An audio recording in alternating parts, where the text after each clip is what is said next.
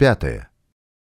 Не ведаю колькі дзён не гаварыў з табой моя чарнаброўка. Не ведаю колькі яшчэ богам адпушчана мне пражыць на гэтым свеце але мне жадаецца каб пасля майго зыходу ўсе мае пісьмы і думкі ты надрукавала ў мужыцкай праўдзе. Лісты з падшыбеніцы то тэкст зварот для радзімы а лісты да чарнаброўкі прызначаныя толькі для цябе. Кожны віленец ганарыцца тым што ў пачатку 16 стагоддзя першадрукар францішак скарына абсталяваў тут друкарню і ў ёй выдаў малую падарожную кніжку апостол а пётр мсціславец у 1569 годзе заснаваў друкарню з кірылічным шрыфтам а потым друкарня мамонічаў пачала друкаваць кнігі на царкоўна-славянскай старабеларускай лацінскай і польскай мовах. Пачалі выдавацца падручнікі, рэлігійная літаратура, законы вялікага княства літоўскага, у тым ліку і статут ВКЛ у 1588 годзе. А званы 14 цэркваў і сямі касцёлаў абуджалі ў людзях адчуванне яднання з творцам, духоўнага абуджэння і нараджэння шчасце жыць у такім месцы і вялікае шчасце. Марыська. Так шмат хочацца сказаць і расказаць, паведаміць пра тыя старонкі майго жыцця, пра якія ты не ведаеш, і ніхто не ведае. Я прасвечаны перад людзьмі, ад каранёў валасоў на галаве да падэшваў ног. Ніякіх тайнаў ад людзей у мяне няма і не было. Перад людзьмі я чысты, ні ў чым не здрадзіў народу, ні ў думках, ні сваімі ўчынкамі і дзеяннямі. А мяне водзяць і водзяць на допыты. Да мяне адно і тое ж пытанне: выдай сваіх сяброў і паплечнікаў. З паміж намі жыве завядзёнка, калі пасля катаванняў і допытаў мы вяртаемся назад у свае камеры, то ідучы паўз назеркі паплечнікаў і сваіх таварышаў паказваем ім знак. Накладаем палец на палец правай рукі і кладзем на грудзі. Тое азначае што вязень выстаяў на допыце і не выдаў сваіх асуджаных ці неасуджаных сяброў значыць не здрадзіў значыць з чыстым сумленнем пойдзем на споведь і падводзіць рахункі да господа з такім умоўным знакам і я пайду на галгофу, калі яшчэ здольны буду ісці. Шкада, вельмі шкада, што мы не давялі сваю справу до конца. Хто вінаваты ў тым, хто? Гісторыкі будуць гаварыць пасля нас, што мы выбралі не надта зручны для гэтага час, што свядомасць ліцвінскага мужика не вырасла да памераў неабходнага скажуць яшчэ, што не было ў нас зладжанасці і жалезнай дысцыпліны, што не нарыхтавалі, колькі трэба было зброі і не навучалі як след вайскова-ваеннай вывудцы касінераў, што мы з самага пачатку запланавалі сабе паразу.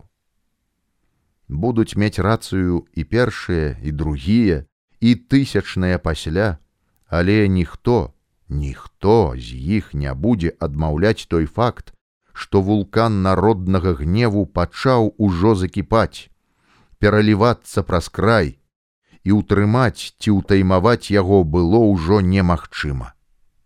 І таму ўсё больш і больш я пераконваўся ў справядлівасці сваёй жа тэзы. Так, дзецюкі, па добрасці мы да ладу не дойдзем.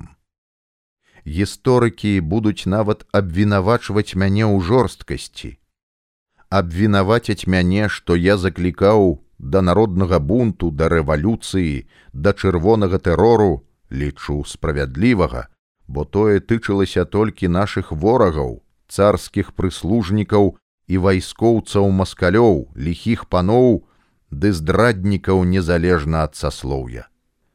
Я папярэджваў, памятайте, што калі мужик разгуляецца, то як свет шырокі кроў ваша пальецца. Тут ведаю, я уступаю ў супярэчнасць з Божымі запаветамі. Але не з самім Богам. Святары, няхай то каталіцкія ці праваслаўныя, не павінны былі ўмешвацца ў нашую справу. Расійская праваслаўная царква нават імкнулася ўсімі сіламі не дапусціць таго, каб ліцвін маліўся народнай мове. Таму акрамя таго, што яны насілі сан святара, яны ж былі і шпікамі, дакладалі царскаму ўраду пра нашае рушанне, выдавалі следчым нашых самых лепшых людзей. Грэх бралі на сваю душу.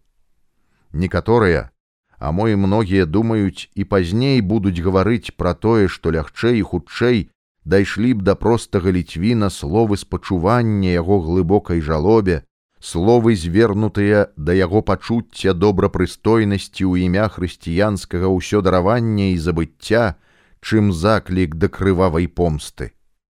Пра тое мне казаў і кучэўскі паўстанец не раз. Ён і газету маю не мог успрымаць, адмаўляў катэгарычна яе значнасць і сілу.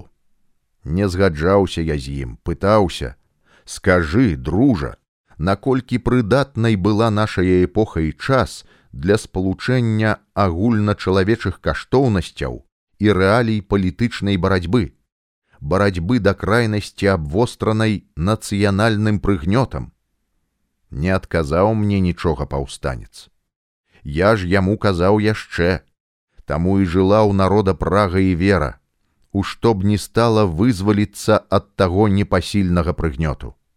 Не ведаю, ці прыйдзе зусім тая спрыяльная атмасфера і эпоха пасля нас, але ў душы ёсць перакананасць, яна прыйдзе абавязкова прыйдзе. Нават тады, калі мы зняверымся ўжо ў тым. Таму і капіўся гнеў кожнага ліцвіна, перапаўняючы сасуд цярпення і чакання. Па гэтаму і выбухнула ўсенароднае паўстанне дзеля нацыянальнага вызвалення ад расійскага прыгнёту.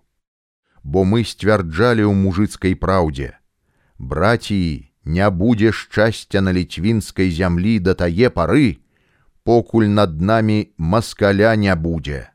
А ён запускаў свае вострыя кіпці ўсё глыбей і глыбей у нашыя сэрцы. Дзюбай вострай упіваўся ў нашыя душы.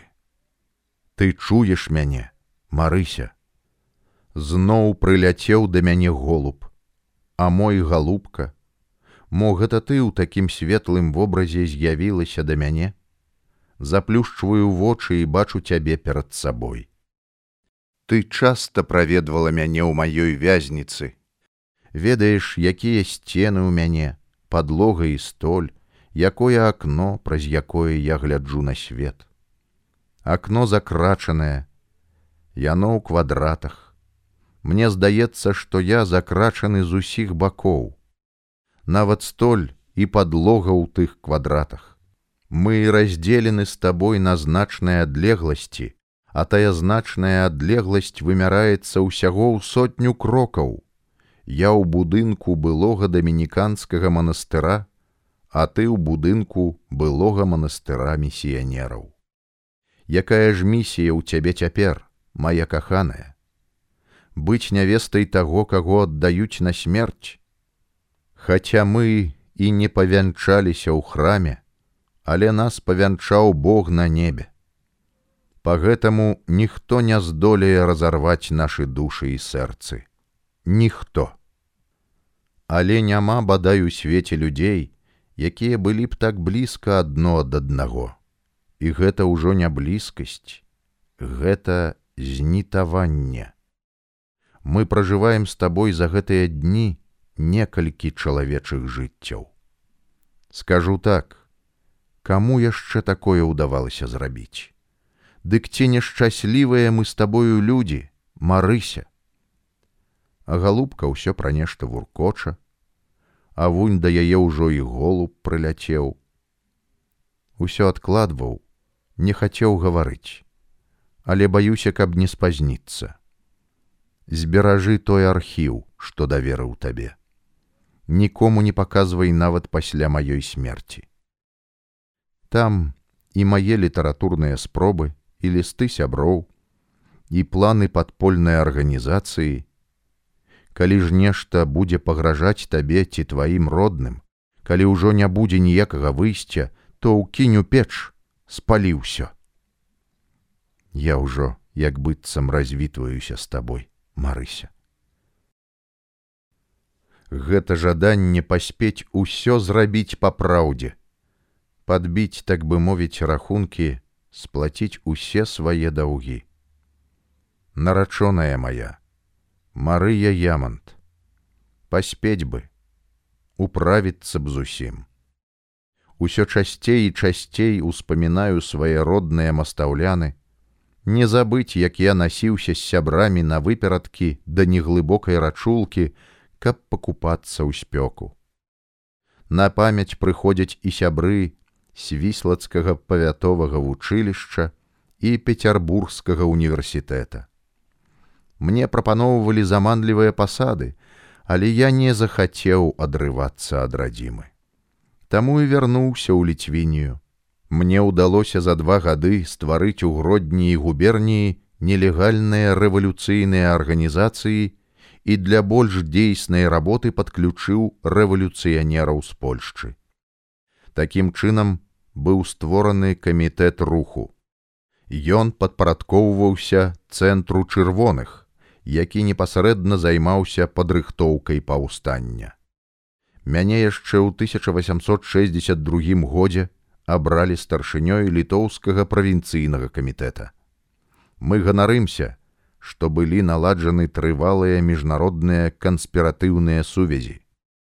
Рускі рэвалюцыйны цэнтр у Лондоне, ЦНК ў варшаве, нават генерал Джузепе Гарыбальдзі меў стасункі з намі, падтрымліваў нашу вызваленчую барацьбу, як падтрымліваў і спачуваў нацыянальна-вызваленчай барацьбе венграў, харватаў, грэкаў.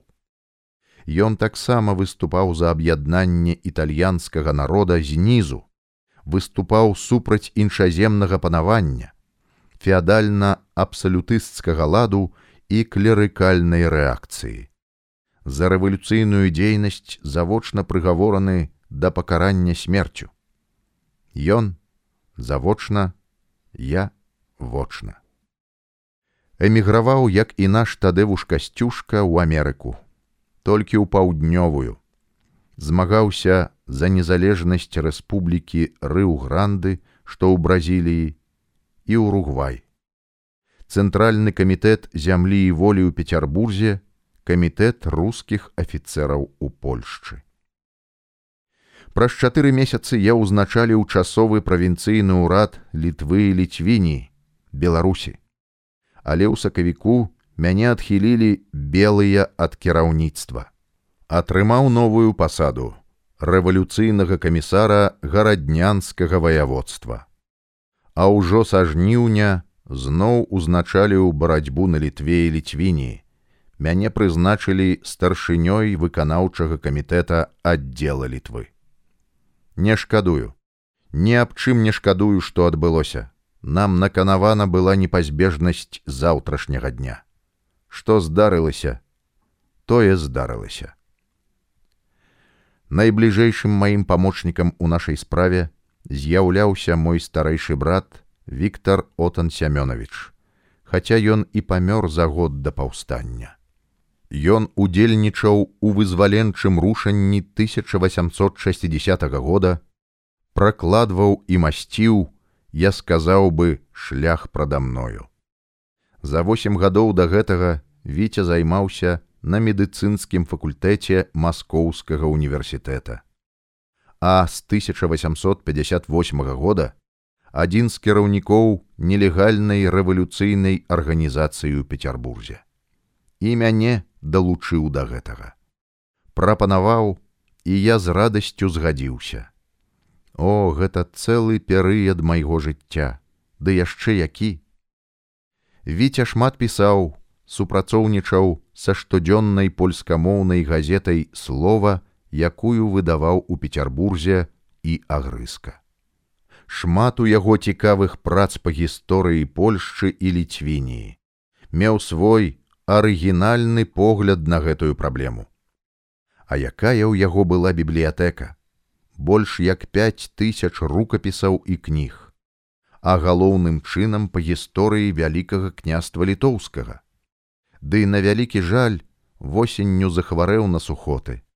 Паехаў да бацькі, каб паправіць здароўе у фальварак якушоўка, што пад ваўкавыскам на гарадзеншчыне. Ды мусіць, глыбока ў яго ўелася хвароба. Не стала яго два гады назад, 6 лістапада. Марыська, галубка моя. Ніколі я табе не расказваў пра свае шляхі дарогі, бо і няможна было тое рабіць. Былі на тое важкія прычыны. Вось такі твой яська гаспадар з-пад вільні. Я заўсёды сцвярджаў і даказваў, што мы не павінны распачынаць закалот да тае пары, пакуль не вызначацца ў гэтым польскія патрыятычныя сілы і праваслаўнае духавенства. Гэта вельмі і вельмі важнае пытанне, хаця мае сябры таварышы не надавалі гэтаму асаблівай увагі. Мы павінны былі прыслухацца да адной рэчы. У выніку скасавання ў літве Беларусі ў 1839 годзе берасцейскай царкоўнай уніі 1596 года лік праваслаўных вернікаў, значна павялічыўся. Тут пачынаюцца рэчы зусім незразумелыя. Рымска-каталіцкае духавенства Польшчы з адзінай мэтай запалохаць праваслаўных святароў звярнулася ў 1861 годзе да праваслаўнага духавенства Беларусі і літвы за дозвай. А дозва гэта дакумент, які не падлягае перагляду сам тон і мелодыка дакумента сведчылі і размовы не павінна ўзнікаць пра талерантнасць і памкненні знайсці агульную мову адшукаць прымірэнне па спрэчных пытаннях ты думаеш што каталіцкае духавенства непакоілі толькі праваслаўныя святары якія па сцверджанні той жа адозвы прадалі душу д'яблу за мізэрныя царскія грошы Не, іх хвалявала толькі адно: як яны ўплываюць на душы і сэрцы сялянаў. І строга пагрозлівым тонам папярэджвалі: Заклікаем вас, не хвалюйце вясковых жыхароў сваімі прамовамі, бо мы ведаем пра вашыя злыя і тайныя намеры. Абыходзьцеся з народам разважліва і памяркоўна. У вашу задачу ўваходзіць унушэнне яму, народу, любові да бліжняга, бо помста палякаў за святую веру страшэнная. Рушанне раскрыла свету вялікія супярэчнасці паміж праваслаўным і каталіцкім духавенствам. Яны апынуліся па розныя бакі, нават у розных варожых станах. Тлумачу чаму. Большасць каталіцкіх святароў, калі не ўсе, поўнасцю прынялі наш бок ідэю паўстання. А вось праваслаўныя падпалі пад палітыку афіцыйных царскіх уладаў і рэлігійных кіраўнікоў. І пра тое я моўлю ў радках, калі за нашу праўду Бог нас стаў караці. Гэта напісаў я тут, у вязніцы. Гэта паланез развітання з народам ліцвініі. Я заўсёды выступаў за развіццё ў ліцвініі рэвалюцыйнага дэмакратызму. Акрамя гэтага мяне хвалявалі і пытанні літаратуры. Лічу, што наша літаратура павінна мець свой адметны каларыт. Нездарма ж слынны Адам Міцкевіч называе ліцвінскую мову як адну з найпрыгажэйшых славянскіх.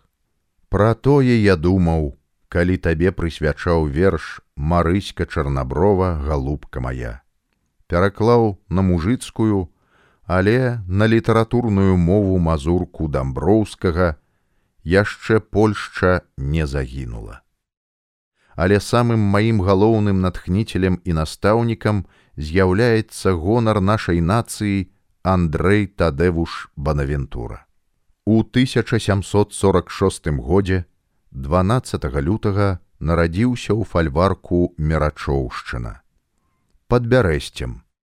Герой рэчы паспалітай, кіраўнік нацыянальна-вызвольнага паўстання 1794 года. Вучыўся ў любяшоўскім піярскім калегіюме, у варшаўскім кадэцкім корпусе, скончыў парызскую акадэмію. Набыў выдатныя веды ў вобласці артылерыі, архітэктуры, фартыфікацыі, з'яўляўся слухачом у акадэміі жывапісу і скульптуры. А як праславіўся тэт, так яго звалі ў штатах, у вайне за незалежнасць Амерыкі, стаў нацыянальным героем гэтай краіны у 1792 годзе аб'яўлены галоўнакамандуючым узброенымі сіламі і начальнікам паўстання. Мы вывучалі дасканала яго словы клятвы. Клянуся быць верным паўстанню. Клянуся змагацца за непарушнасць межаў нашай дзяржавы, устанаўлення самаўладдзя народа і ўсеагульную свабоду. Праз два гады у траўні прызначыў найвышэйшую нацыянальную раду, выдаў паланецкі універсал. Але самае галоўнае, што тэт імкнуўся надаць паўстанню агульнанародны, дэмакратычны характар. Але не яго віна, што шляхта сустрэла тыя паслабкі сялянству ў штыкі, звузіўшы сацыяльную базу і маштаб паўстання. Мы стараліся не паўтарыць яго памылак, але на вялікі жаль не пазбеглі і сваіх. 10 ліпеня 1862 года быў здзейснены выпуск першага нумару мужыцкай праўды. Мы стараліся данесці да людзей свае планы, свае ідэі, таму распаўсюдзілі газету па многіх жылых мясцінах. У той жа дзень на камянецкай зямлі на полі каля вёскі бярозаўка тутэйшы жыхар місей геліч знайшоў нашую газету і пачаў чытаць яе аднавяскоўцам. Такім чынам народ даведаўся, што пачалася падрыхтоўка да паўстання. Пра тое стала вядома і царскаму ўраду. А каб папярэдзіць яго, у Петербурзе і быў заснаваны заходні камітэт, такая спецыяльная установа для барацьбы з нашым вызваленчым рухам на літве, літвініі і ва ўкраіне. Цэнтральны нацыянальны камітэт, які быў створаны ўлетку 1862 года ў варшаве, на жаль, меў абмежаваную праграму.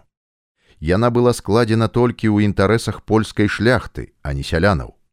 На яе недасканаласць і сур'ёзныя пралікі і недахопы указвалі польскім рэвалюцыянерам-дэмакратам герцан, бакунін, агароў.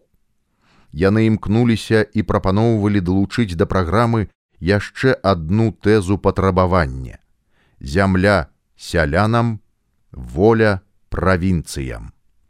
Але рэвалюцыянеры не прыслухаліся да іх голасу. І гэта стала адной з галоўных прычынаў, якая адразу ж адштурхнула адпрэчыла ад удзелу ў паўстанні сялян літвы і ўкраіны. А іх заклік за нашу і вашу свабоду не апраўдаў сябе. Таму паўстанне і не падтрымалі сяляне ўсходніх паветаў літвініі і сяляне з рассіі. Следчая камісія даводзіла мне, што паўстанне насіла толькі польскі характар. Зусім не так. Так хоча гэта прадставіць віленскі генерал-губернатар Михаил Мураўёў. Я ж казаў следчым пра адваротнае. У Польшчы паўстанне было польскім, так, а ў літвініі і літве яно было беларуска-літоўскім. Падзеі разварочваліся на нашай тэрыторыі, і паўстанне насіла нацыянальна-вызвольны характар. Бо прымалі ў ім удзел тытульныя жыхары. Сяляне і рамеснікі, студэнты і шляхта, афіцэры і былыя вайскоўцы, настаўнікі і гімназісты інжынеры і чыноўнікі. Паўстанцы рабіліся паэтамі і кампазітарамі, стваралі баявыя і рэвалюцыйныя песні, пісалі пракламацыі. Паэты Фелікс ражанскі і Фелікс тапчэўскі, Францішак Багушевіч не заставаліся ў баку ад агульнай справы, як і пісьменнік Вінцэнт Дунін Марцінкевич. Але, але, але, у жніўні мураўёў выдаў загад, паводле якога захопленыя са зброяй паўстанцы падлягалі прысуду на смерць.